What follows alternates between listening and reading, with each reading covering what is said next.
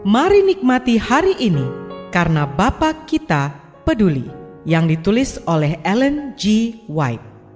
Melalui renungan pagi ini, kita akan menelusuri tentang karakter Bapa dan kasih Allah yang melimpah. Bersama Pendeta Andre Daimbani, selamat mendengarkan.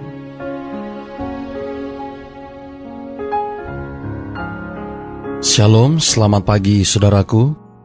Sepanjang bulan April ini, kita akan mempelajari satu judul besar, Panggilan Agung Kita. Renungan pagi kita hari ini 1 April berjudul Dikelilingi dengan Kasih Setia. Ayat intinya diambil dari Mazmur 32 ayat 10. Demikian firman Tuhan. Banyak kesakitan diderita orang fasik, tetapi orang percaya kepada Tuhan dikelilinginya dengan kasih setia. Mari kita dengarkan penjelasannya. Kita sering berpikir bahwa mereka yang melayani Allah memiliki lebih banyak pencobaan daripada mereka yang tidak percaya, dan bahwa jalan yang ditentukan untuk mereka jalani itu sulit. Tetapi apakah orang berdosa menikmati kesenangan dan hiburan duniawinya tanpa gangguan? Oh, tidak. Ada masanya ketika orang berdosa dengan gelisah, penuh ketakutan. Ia takut kepada Allah, tetapi tidak mengasihinya. Apakah orang jahat bebas dari kekecewaan, kebimbangan, kerugian duniawi, kemiskinan, dan tekanan. Banyak dari mereka menderita penyakit yang tak sembuh-sembuh, namun tidak memiliki Dia yang agung dan kuat untuk diandalkan. Tidak ada kasih karunia yang menguatkan dari kuasa yang lebih tinggi untuk membantu kelemahan mereka. Mereka bersandar pada kekuatan mereka sendiri. Mereka tidak mendapat penghiburan dengan memandang ke masa depan. Namun ketidakpastian yang menakutkan menyiksa mereka. Dan demikianlah mereka menutup mata dalam kematian, tidak mendapat kesenangan dalam menantikan pagi kebangkitan, karena mereka tidak mendapat pengharapan menggembirakan dalam kebangkitan pertama. Orang Kristen menjadi sasaran penyakit kekecewaan, kemiskinan, celaan, dan tekanan.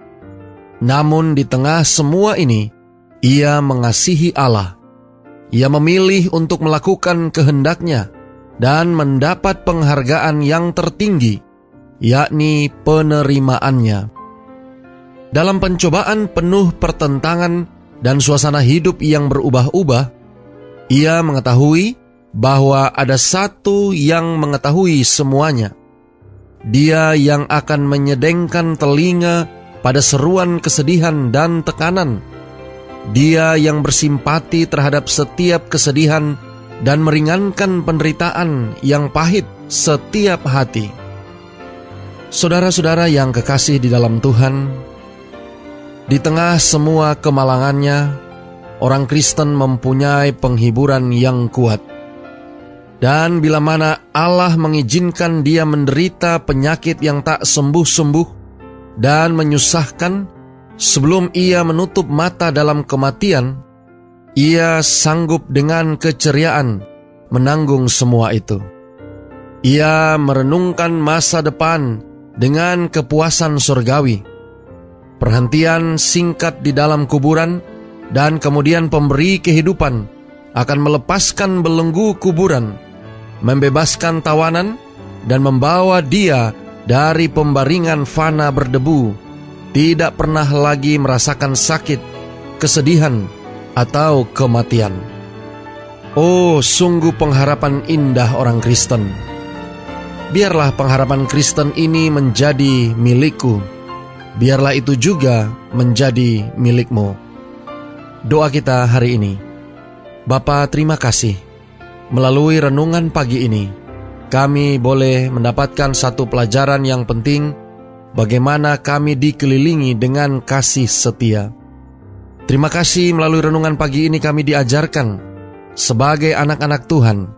Sekalipun kami harus berhadapan dengan rasa sakit, dengan pergumulan, dengan penderitaan, tetapi satu hal yang pasti bahwa penyertaan Tuhan terus menjadi bagian kami.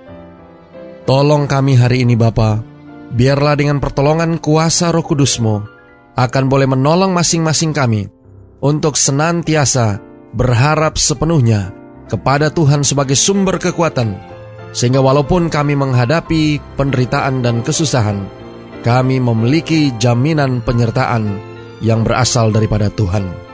Terima kasih Bapa. Inilah doa dan permohonan kami kepadamu. Di dalam nama Yesus kami berdoa. Amin.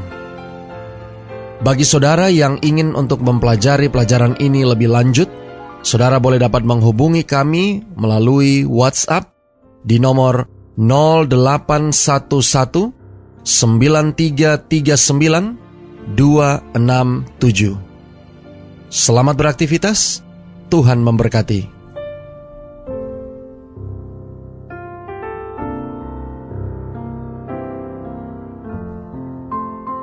Demikianlah tadi pembahasan tentang Bapa Kita Peduli. Semoga firman Tuhan hari ini dapat menjadi berkat bagi Anda. Sampai jumpa, Tuhan memberkati.